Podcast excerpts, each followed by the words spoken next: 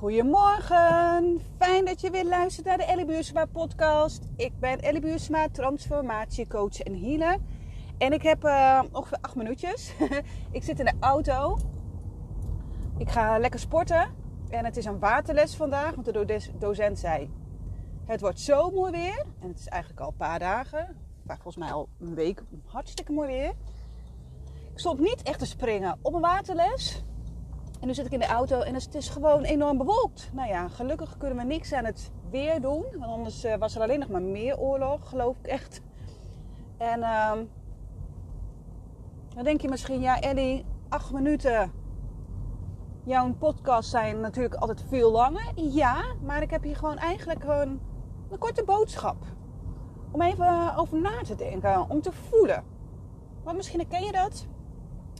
Ehm, dat je soms iets spannend vindt. Ik merk dat nu ook, dat ik een aantal DM's heb in mijn Instagram van hey Ellie, ehm, ik heb wat vragen over de klankreis op 2 juli. Maar. En dan denk ik altijd, oké, die maar. Die maar, dat is, zijn vaak allemaal overtuigingen, allemaal ja, smoesjes misschien. Smoesjes klinkt niet zo heel lief. Maar dan vraag ik eigenlijk altijd, en daarom deze podcast, luister naar je gevoel. En dan vraag ik eigenlijk altijd van doe eens je ogen dicht. Oké. Hoe voelt het om naar die klankreis te gaan? En dan kan het ook iets anders zijn, hè? Wat je heel spannend vindt. Kan je voelen. Als jij voelt, nee, die klankreis of iets anders is niks voor mij. En dat kan op dit moment zijn, misschien kan dat paar weken later wel zijn. Dan moet je dat dus niet doen. Maar als jij toch een dikke, vette ja voelt in je lijf. Je voelt opwinding, je voelt dingen in je buik. Maakt niet uit, iedereen voelt het op een, zijn eigen manier.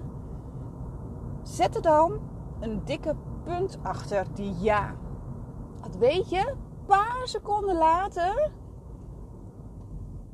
gaat je hoofd ermee aan de haal. Ja, maar, en het komt er niet uit, en het is wel weer te duur, en dan is het middags, en mijn, mijn kinderen hebben mij nodig, en de planning is allemaal moeilijk. Je brein die wil je houden in het veilige. Die vindt het rete spannend om dingen nieuw te doen. De uitnodiging is om je angst te voelen. Zo van, hé, hey, ik vind iets spannend.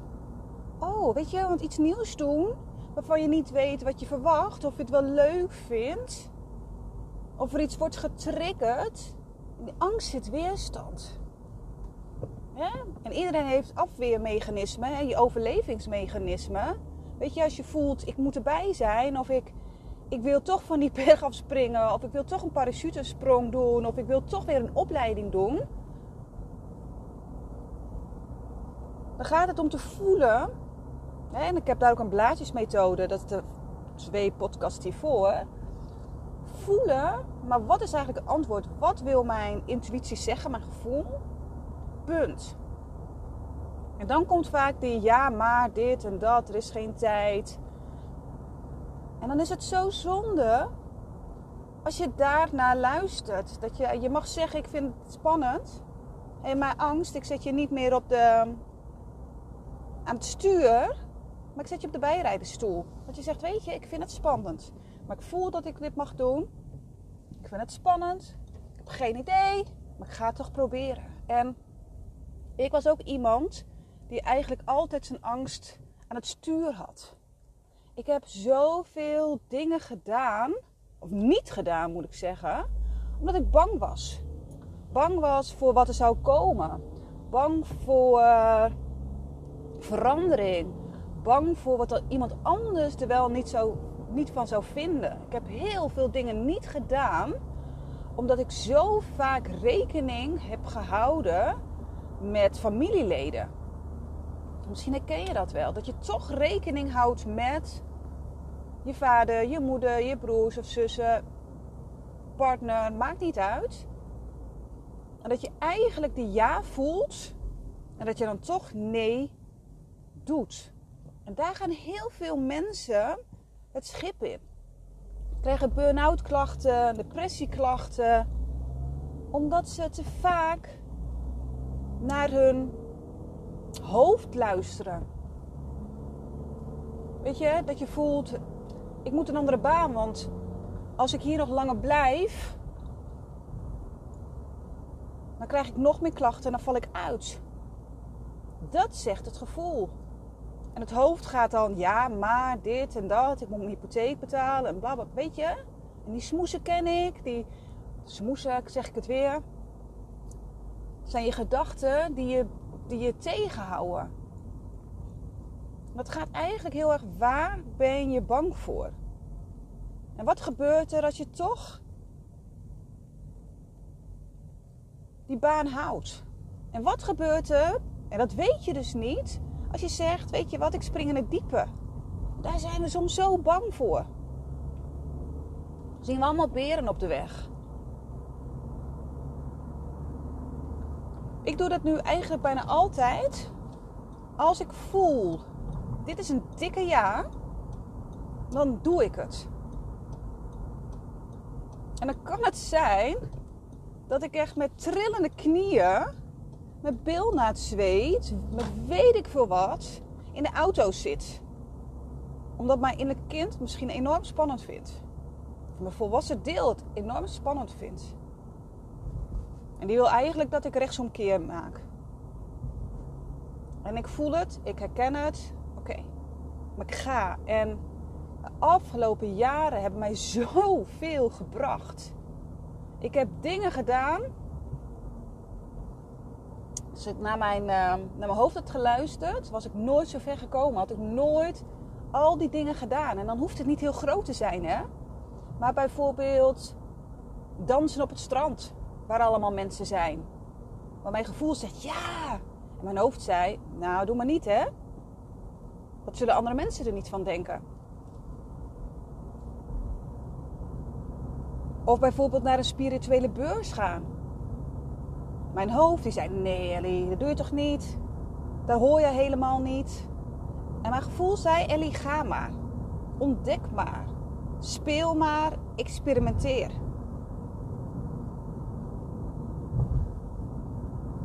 En zoveel dingen. Echt zoveel dingen. En ik heb heel veel dingen niet gedaan omdat ik angst had en omdat mijn overlevingsmechanismen mij tegenhielden.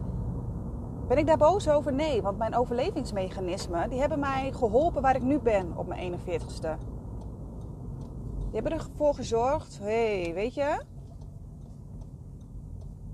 je hebt één, er is één kans, of nou ja, weet je, je moet gewoon overleven. Er is zoveel gevaar, jij moet overleven. En nu hoeft dat dus niet meer. Dus het gaat over je triggers herkennen, dus je overlevingsmechanismen kennen. En ook je innerlijke werk doen, vooral met je innerlijke kind. En dus ontdekken waar je angsten zitten, waarom wil je vluchten, waarom bevries je, waarom vecht je. En vooral weer ervaren, waar word jij blij van? Wat wil jouw innerlijke kind eigenlijk doen? Weet je, want als jouw innerlijke kind vraagt: hey, wil jij in die plas gaan springen? Dan zegt waarschijnlijk je innerlijke kind: Yes, eindelijk. Maar dan gaat het hoofd ertussen zitten. Ja, maar dat doe je toch niet als volwassen persoon? En dan word ik vies. Dan moet ik met vieze kleding in de auto. Je, nou ja, je weet het allemaal wel. Je kent het wel.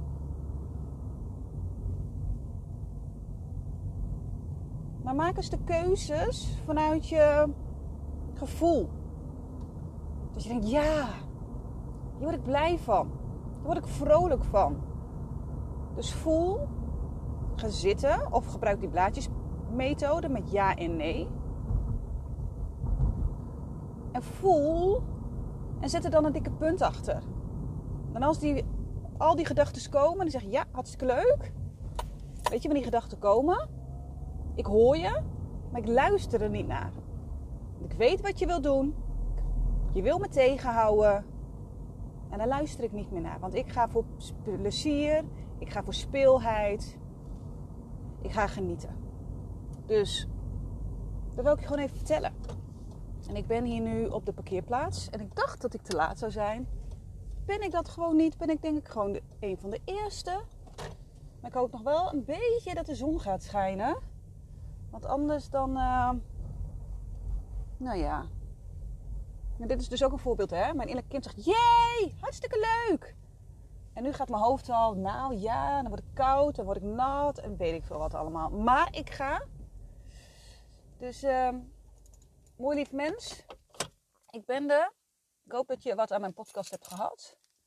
Um, kort en krachtig hoop ik. En um, ik wens je een hele fijne dag, lief mooi mens. Dankjewel voor het luisteren.